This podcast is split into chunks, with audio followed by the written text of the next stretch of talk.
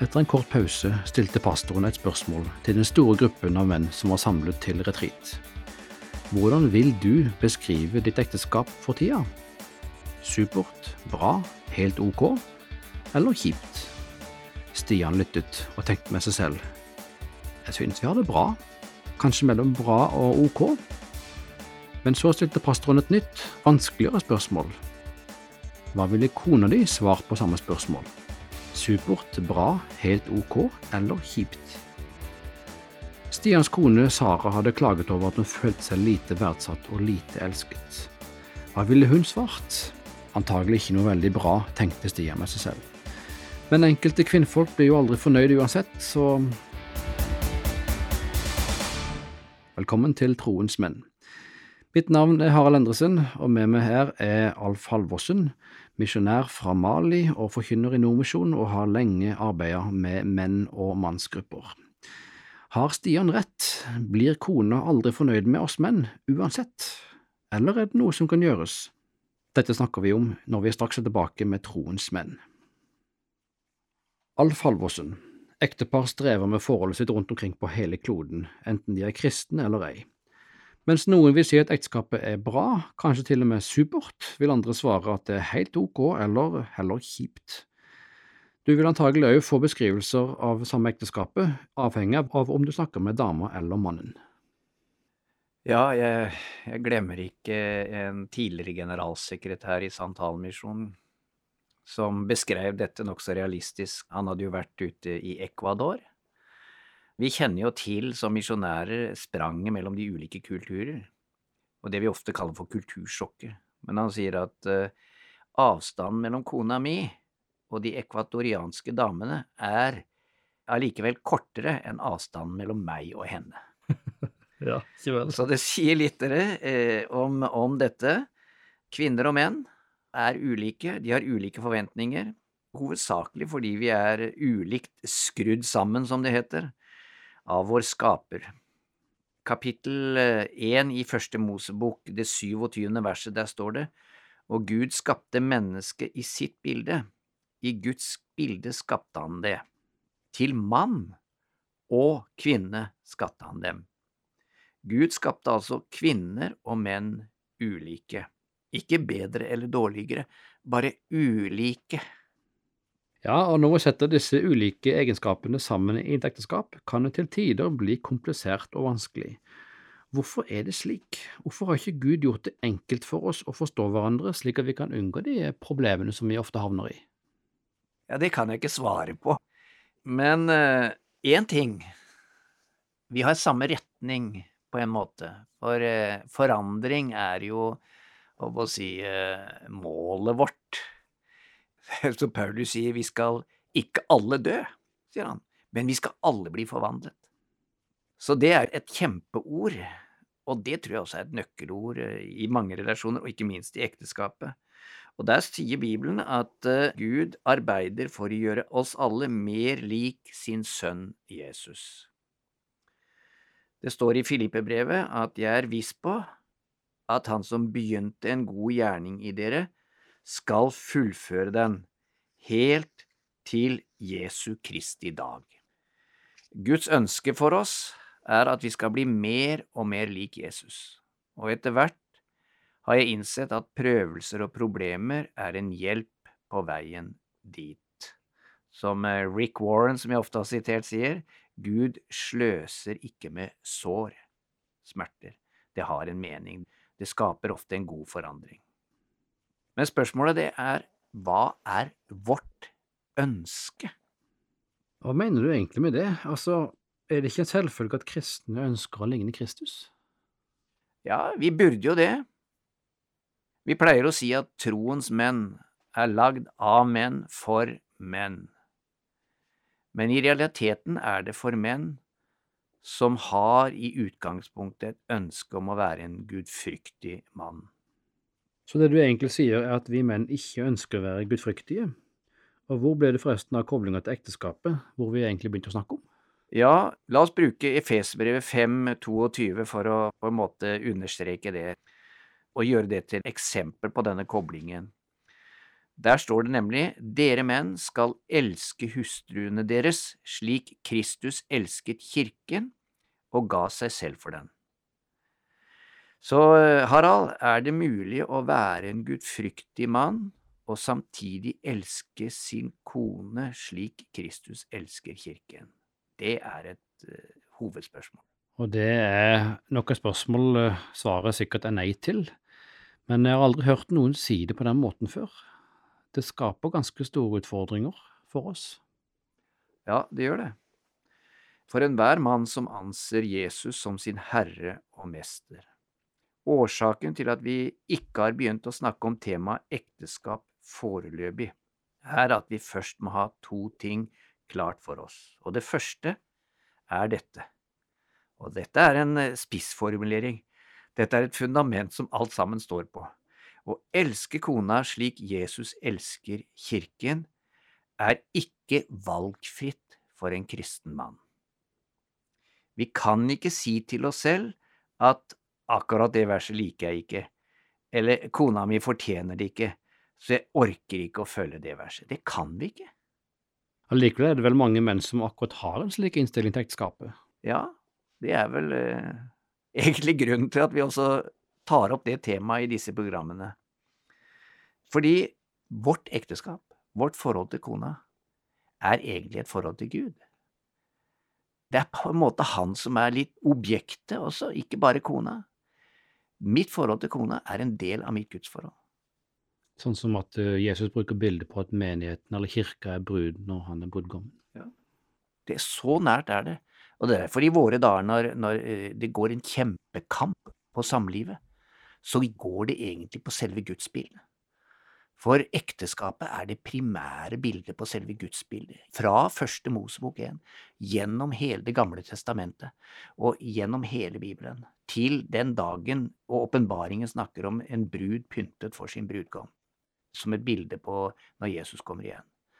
Det er selve kroneksempelet.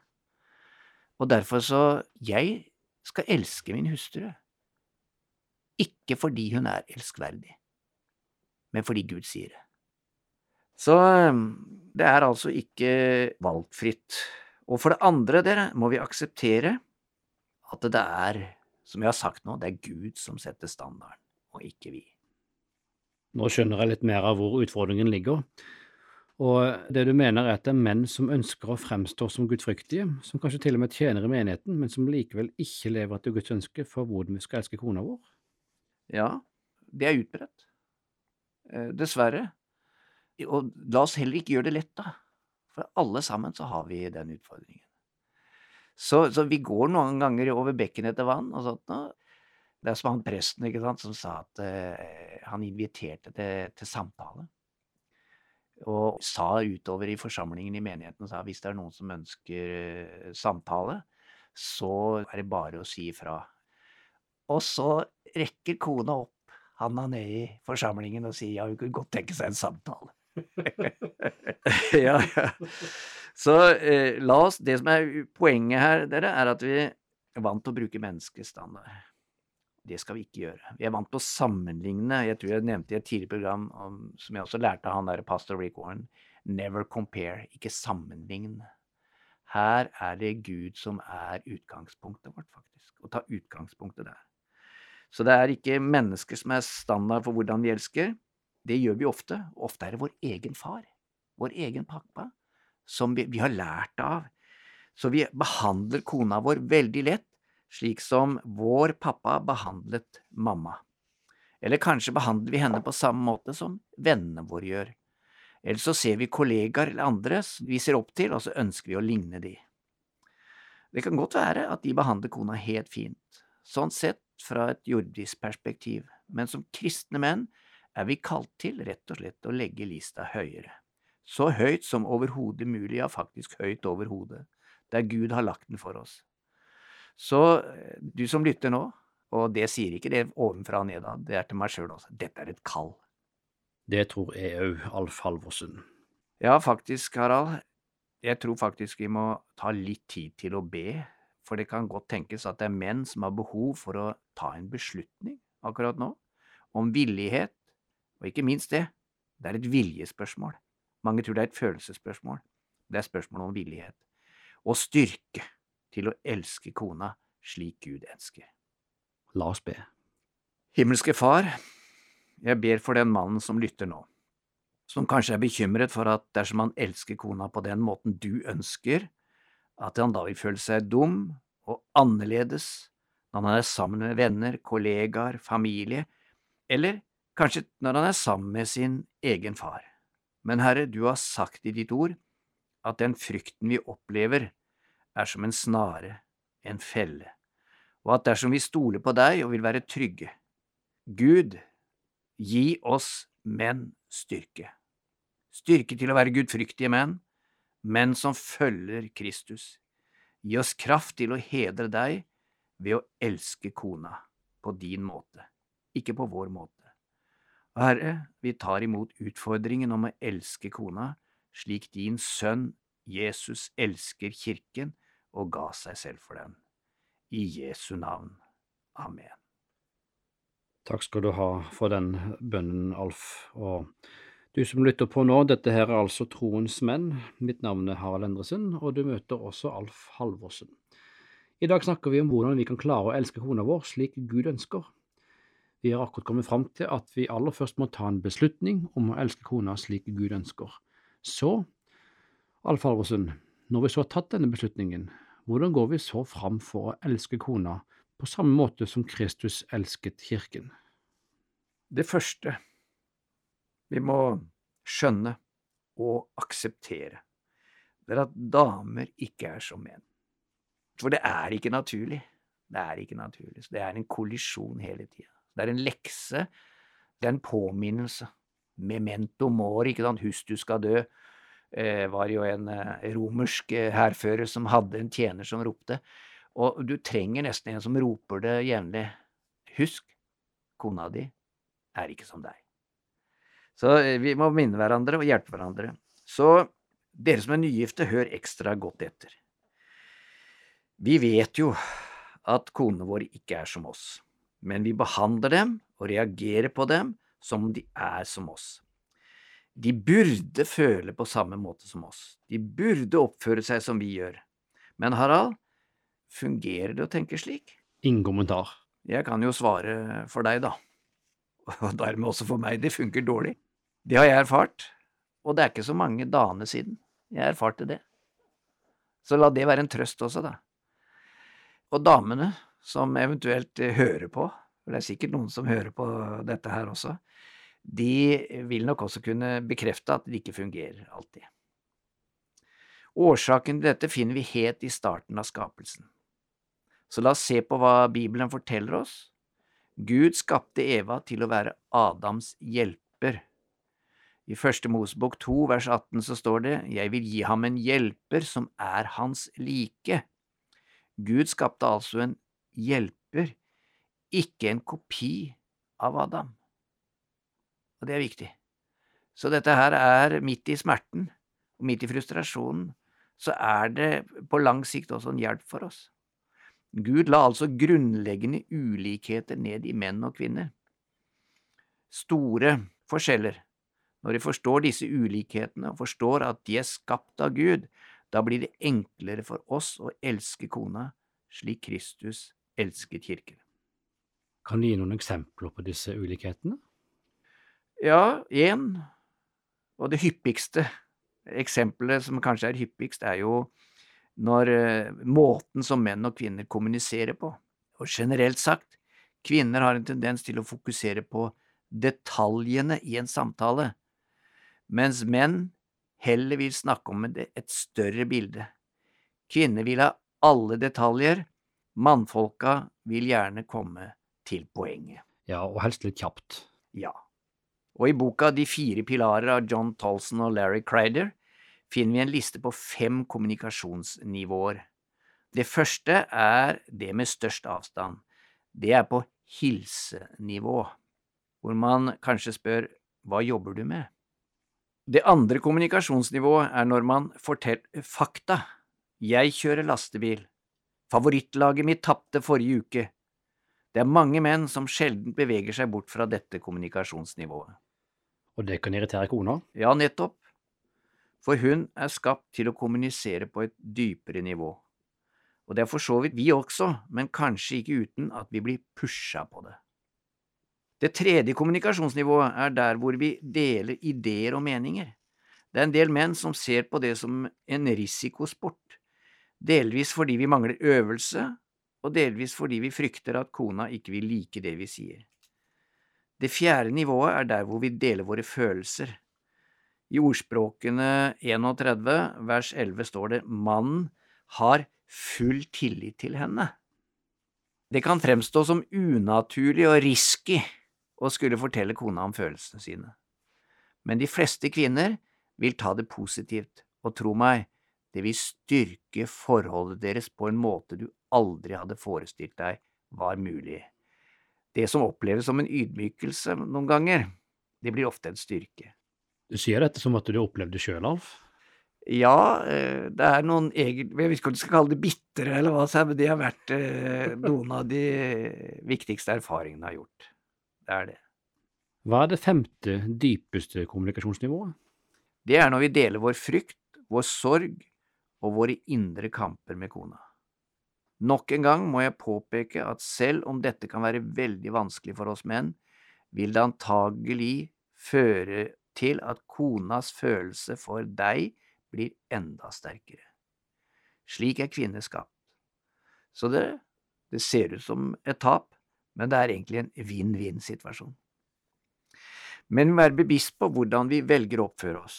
Vi kan enten irritere konene våre ved å forhindre dem fra å dele sine tanker, ved å avspise dem når vi synes de har snakket lenge nok. Vi kan lukke oss og nekte å snakke om de litt dypere temaene. Eller vi kan, som det sto i bibelordet vi leste, stole på og ære Gud. Stole på kona og stole på Gud og ære Han ved å innfinne oss med at den beste måten å forholde seg til dette er å lytte på kona og selv dele våre tanker med henne. Kona mi sier ofte jeg har ikke behov for nødvendigvis å ha rett, jeg har bare behov for at du hører på meg, at jeg får sagt det. Det er liksom ikke nødvendigvis at jeg vinner. Så kona di vil hovedsakelig basere sin oppfatning av forholdet deres ved å se på om dere har meningsfulle samtaler. Det dere snakker om vil fremstå som ubetydelig eller skremmende innimellom, men dersom ditt forhold til kona er like viktig for deg som det er for Gud, da er det veldig viktig at du tar deg bryet med å kommunisere med henne på en god, meningsfylt måte. Lytte, det er nøkkelord. nøkkelordet. To ører og én munn. Nettopp. På hvilke andre områder eller måter er vi ulike fra kona? Ja, kona mi sier at jeg trenger å ha kontakt med mine egne følelser. Det er sånn standardord. Og vi bruker følelsene våre ulikt. Gud har skapt kvinnen slik at hun er i stand til å være i kontakt med både følelser og tanker samtidig. Vi menn tenker først, og legger kanskje til noen følelser etterpå, dersom vi må, noe vi sjelden anser som nødvendig. Dette fører til at vi kanskje sier til kona at hun ikke burde føle det slik, men vi kan ikke endre det, vi kan liksom ikke bare ta tak i det. Så vi kan ikke endre damene, ikke burde vi endre dem heller. Gud har skapt dem slik for å hjelpe oss. Vi menn mangler nemlig denne egenskapen. Jeg har ikke tall på hvor mange ganger kona mi har sett ting fra et følelsesmessig perspektiv som jeg totalt har oversett. Så en klok ektemann setter pris på konas innsikt. Så det er altså forskjeller i måten vi kommuniserer på som mann og kvinne, og hvordan vi bruker følelsene våre på. Men på hvilke andre områder er vi ulike fra våre koner? Ja, vi trives jo i den situasjonen når vi kan reparere ting, og det gjør menn. Menn reparerer biler, maskiner, alt. Vi reparerer ting. Damer reparerer relasjoner. La meg si det igjen. Menn reparerer ting, damer reparerer relasjoner, og begge deler er viktig. Uheldigvis har begge kjønn en tendens til å mene at bare den ene egenskapen er viktig. Gud har derimot satt disse egenskapene sammen i et ekteskap, som et speilbilde på hvordan Gud virker i denne verden. Dette var veldig interessant, Alf. Og, og vi har vært innom noen områder, men er, det enda flere områder du ser vi er ulike på? Ja, for eksempel det som har med sex å gjøre. Der er det store forskjeller. For menn handler det først og fremst om det fysiske. For kvinner handler det om å bygge en relasjon på et følelsesmessig plan. Det er ikke for ingenting at Jesus sier det må se på en kvinne og begjære henne. Det står ikke en kvinne se på en mann og begjære. Er, eh, det, det, står til menn, for det er menns eh, fare, det er menns fristelse, det er menns eh, egenskap, på en måte. Men der er kvinner mer opptatt av, av andre sider ved et forhold. For kvinner handler det om å bygge en relasjon på et følelsesmessig plan. Og en undersøkelse bekrefter dette. 100 000 kvinner ble spurt om hva ved sex som var viktig for dem, og 70 000 svarte nærhet, trygghet, varme og tilhørighet. Og husk nå spørsmålet vi stilte tidligere, kan du være en gudfryktig mann og ikke elske kona slik Kristus elsket kirken og gav seg selv for den? Dette bibelverset sier at Kristus satte våre behov foran sine egne. Han utfordrer oss til å sette konas behov foran våre egne behov, også på det seksuelle området. Hm. Ja, men det er ikke enkelt. Nei, Gud har heller ikke sagt at det er enkelt. Kanskje er det det vanskeligste. Jeg husker godt jeg leste Rosenius. Og Rosenius er jo liksom ikke den du forbinder med sånn ekteskapsrådgiver og sånt noe. Men jeg husker godt en gang han snakka om det å være prøvet og gått gjennom prøvelser og vanskeligheter. Så sier han, hvis du gifter deg sånn, da vet du hva prøvelser er. Så har du ikke vært prøvet før. Når du gifter deg, da blir du prøvet. Så det er ikke enkelt. Men Gud har gitt oss løftet, han har sagt at dersom vi søker ham først, vil det følge velsignelser med det. Dersom du sliter på dette området, forsøk å gjøre som Gud vil. Du vil trolig bli overrasket over hvordan ting forandrer seg. Husk, Gud har skapt sex, så ved å følge Hans vilje også her, altså ved å sette konas behov foran dine egne, vil du ære Gud. Hm. Og Alfe, det kan virke som at dersom vi aksepterer at Gud har skapt oss på ulike måter, og heller responderer positivt på det i stedet for å klage på det, da vil kanskje damene tolke det som et tegn på trofasthet? Det er den store overraskelsen. Du er, føler deg ydmyket, du føler deg som et tap, og så blir kona kjempebegeistra. Gud snur det vonde til det gode? Ja, på en måte. Og, og, og eh, denne trofastheten som det oppleves som, da, vil bety mye for konas trivsel i ekteskapet også. Så selv om det kan virke ubetydelig for oss, men det er veldig viktig for konene våre, for det er slik Gud har skapt dem. Da får vi be da om at alle får til å ta i bruk dette som vi har lært her i dag, og gjøre det til en del av sitt daglige ekteskap. Takk for at du hører på Troens menn, hvor menn utrustes og styrkes til å møte sitt gudgitte potensial som er lagt ned i oss helt fra skapelsen. I dag har vi snakket om viktigheten av god kommunikasjon i ekteskapet. Dette programmet er basert på kapittel 15 i boka De fire pilarer av John Tolson og Larry Crider. Troens menn er den norske utgaven av TVRs Champions Arise og oversatt og produsert av Norea Mediemisjon her i Norge. Mitt navn er Harald Endresen, og du har også møtt eh, Alf Halvorsen som gjest. Må Gud forme deg til den mannen han vet at du kan bli.